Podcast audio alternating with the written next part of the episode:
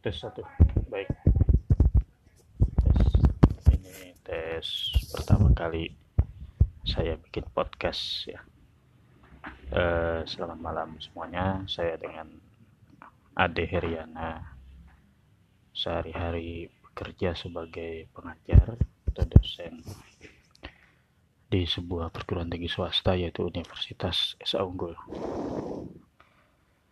uh, saya menarik ini baru tahu bahwa ada uh, apa namanya uh, platform ya platform digital yang disebut dengan podcast dan ternyata setelah uh, saya explore di uh, salah satu jurnal yang terkenal ya di database uh, sciencedirect.com ya. Saya coba uh, ketik dengan keyword uh, podcast ternyata banyak sekali uh, jurnal yang sudah membahas tentang kegunaan uh, podcast ini dalam uh, pendidikan atau pedagogi ya terutama sih pendidikan yang berkaitan dengan uh, kedokteran atau uh, medicine.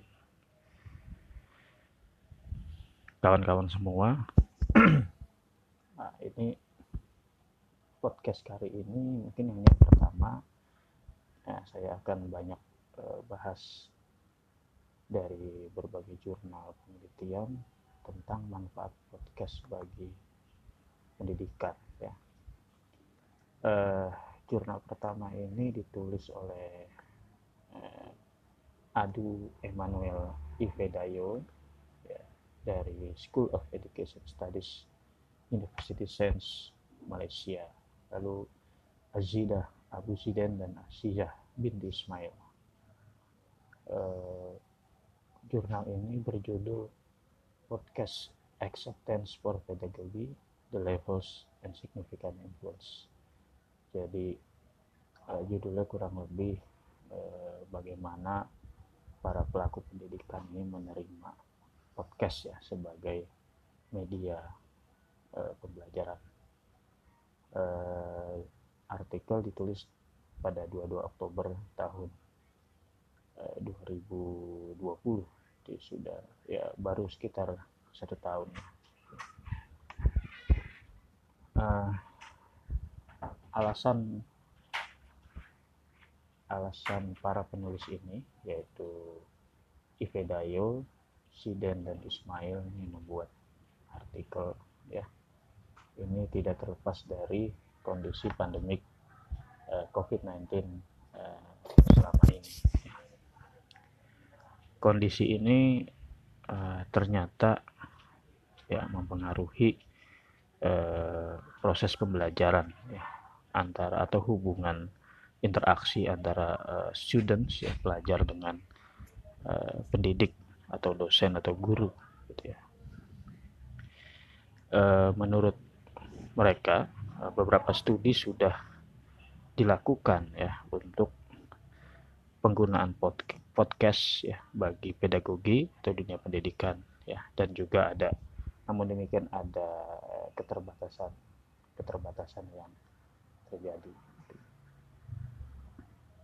uh, dalam jurnalnya ini uh, diceritakan tentang uh, bagaimana podcast itu digunakan dalam edukasi ya. Uh, katanya podcast is an educational technology jadi sebuah teknologi untuk mengedukasi atau memberikan pendidikan which promotes academic performance by allowing students to learn from lectures and podcasting resources. Jadi uh, teknologi ini menarik ya kalau menurut saya. Jadi ini sebetulnya mirip kalau dulu saya belajar pernah saya kuliah di uh, Universitas Terbuka tahun sekitar tahun 93 ya. Itu kita belajar menggunakan platform radio.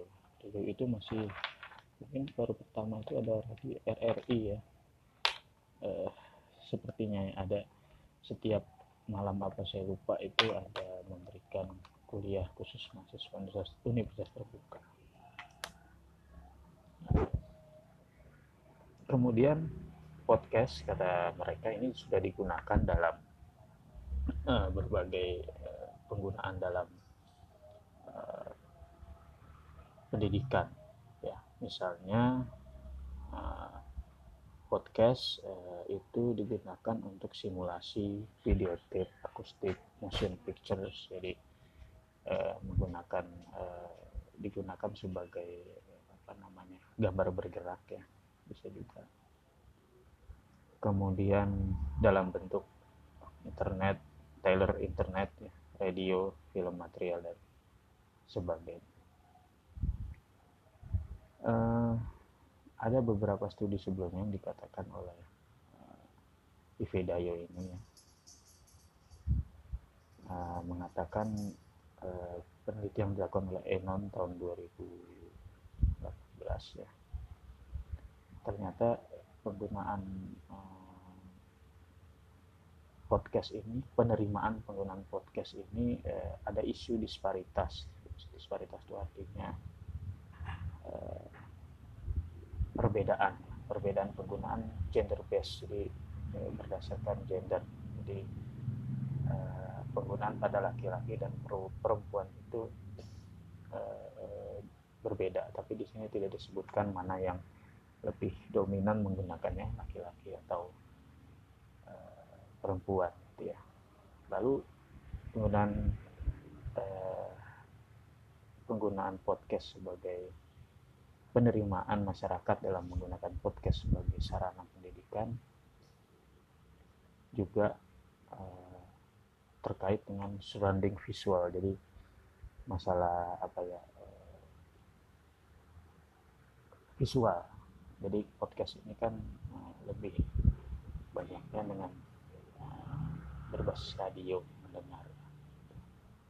Ternyata ada juga masalah-masalah yang berkaitan dengan visualisasi. Jadi banyak masyarakat yang belum menerima podcast karena tidak tidak bisa digunakan sebagai sarana yang sifatnya visual.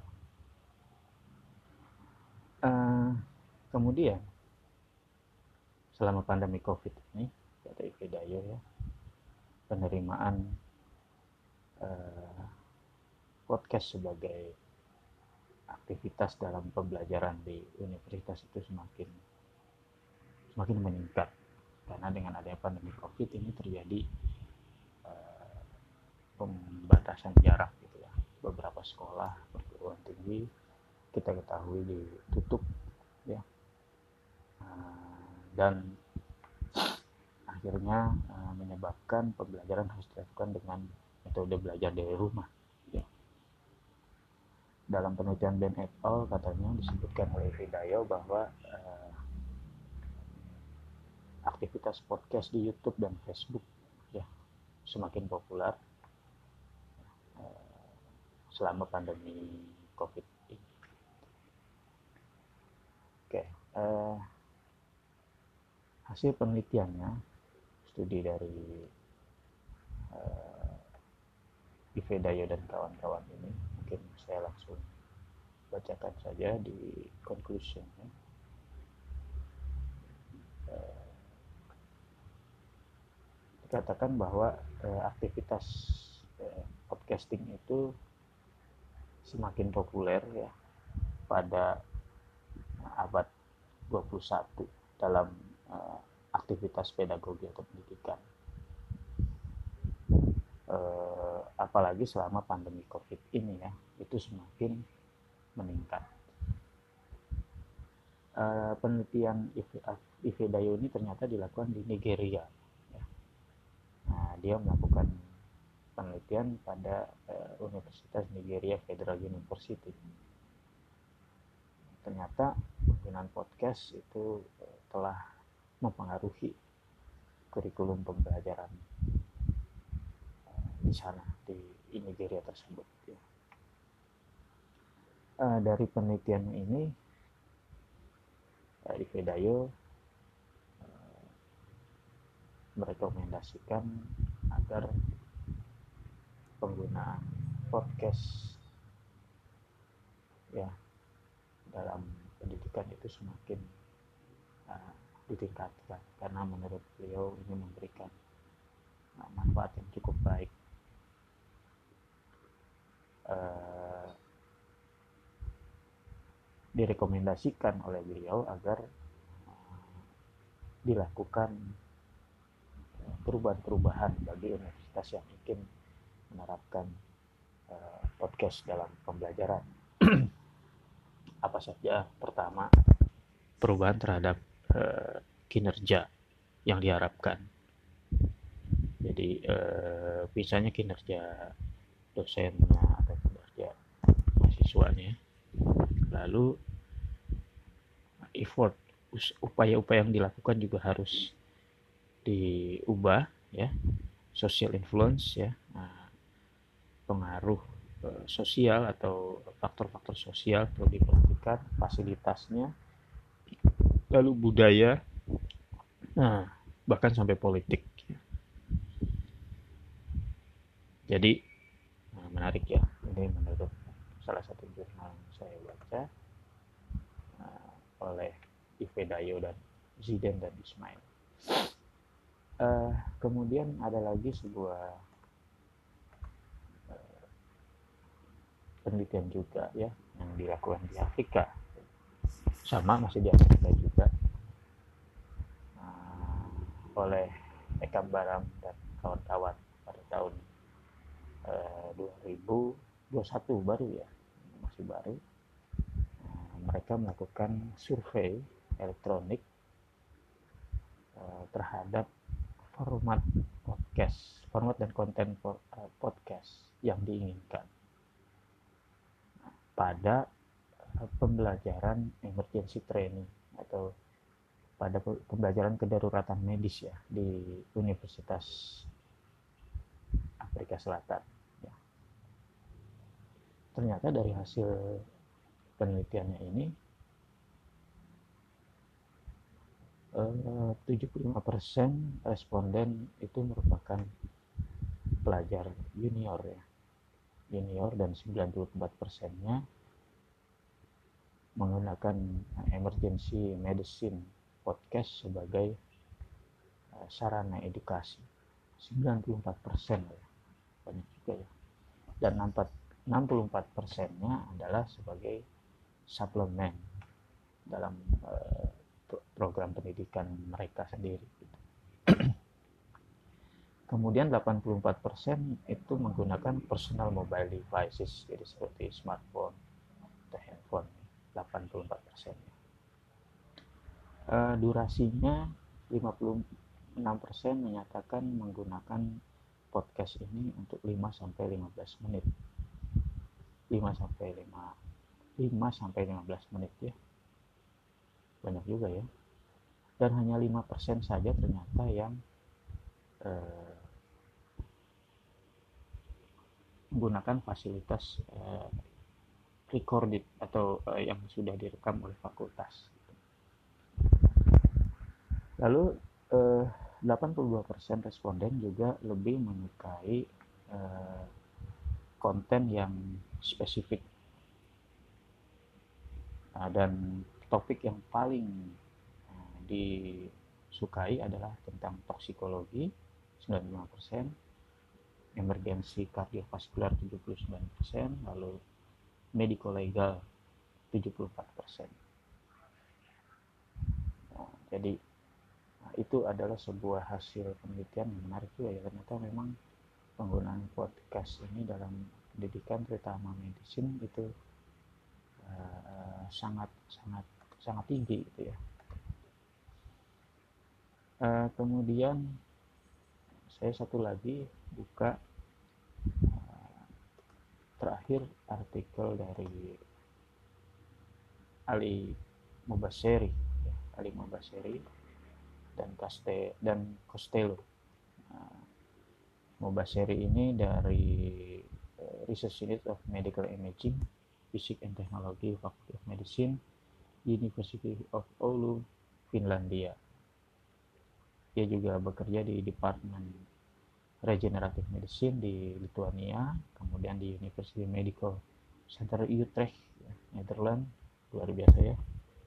Dan juga satu lagi afiliasinya dengan Center of for Sport Exercise and Osteoarthritis versus Arthritis Queens Medical Center Nottingham United Kingdom. Luar biasa ini orang sementara kalau Costello itu sebagai physical therapy and athletic training ya, di Boston University sedang dan bekerja di Division of Rheumatology uh, Department of Medicine School of Medicine Boston University. Uh, jadi si Mobaseri dan Costello ini membuat paper tentang inovatif tool sarana inovatif. Postcatch itu menurut mereka merupakan sarana inovatif untuk meningkatkan edukasi tentang osteoartritis dan untuk diseminasi penelitian.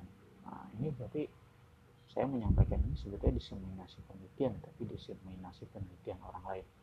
Wah, boleh juga nanti saya terapin untuk penelitian saya sendiri. Dalam penelitiannya ini, eh, 15 seri.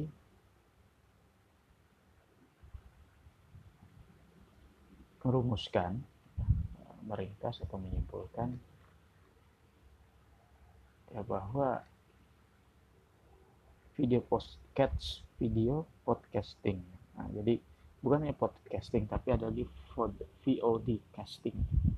Itu sebaiknya merupakan platform next dibutuhkan. Jadi bukan hanya uh, audio ya tapi uh, video dalam bentuk podcast Nah, ini mungkin sedikit melenceng dari ya, hakikat dari podcast itu sendiri ya. Dan podcast itu telah mendapat atensi dari jutaan pendengar menurut, menurut mereka ya.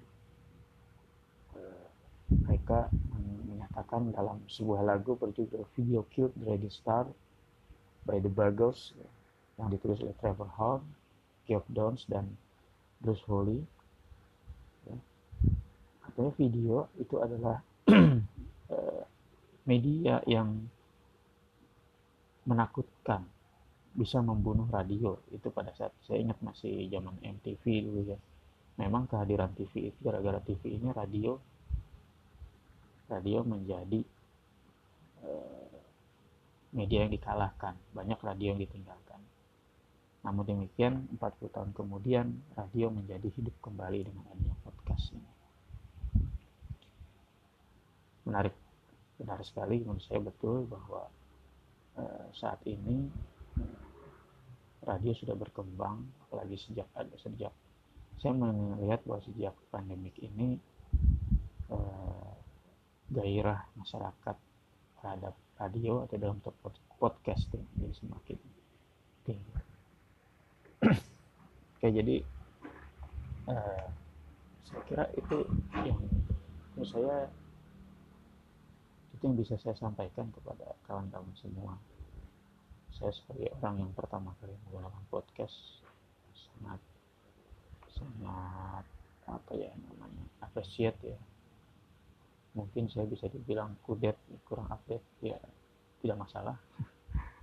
Tetapi memang uh, tentunya kita butuh satu media yang bisa sebagai pengajar yang saya juga seperti satu media media yang selama ini saya gunakan adalah video. Tentu kita butuh satu media alternatif yang bisa dengan mudah didengar oleh masyarakat oleh mahasiswa saya terutama begitu ya. oke sampai itu aja. Selamat malam semuanya e, dari saya sebagai newbie pendatang baru dalam podcast semoga Eh, bisa manfaat saya bermanfaat sharing saya malam ini tentang bagaimana penggunaan podcast pada uh, dunia pendidikan baik itu dalam terutama dalam dunia pengobatan atau medicine ya. Assalamualaikum warahmatullahi wabarakatuh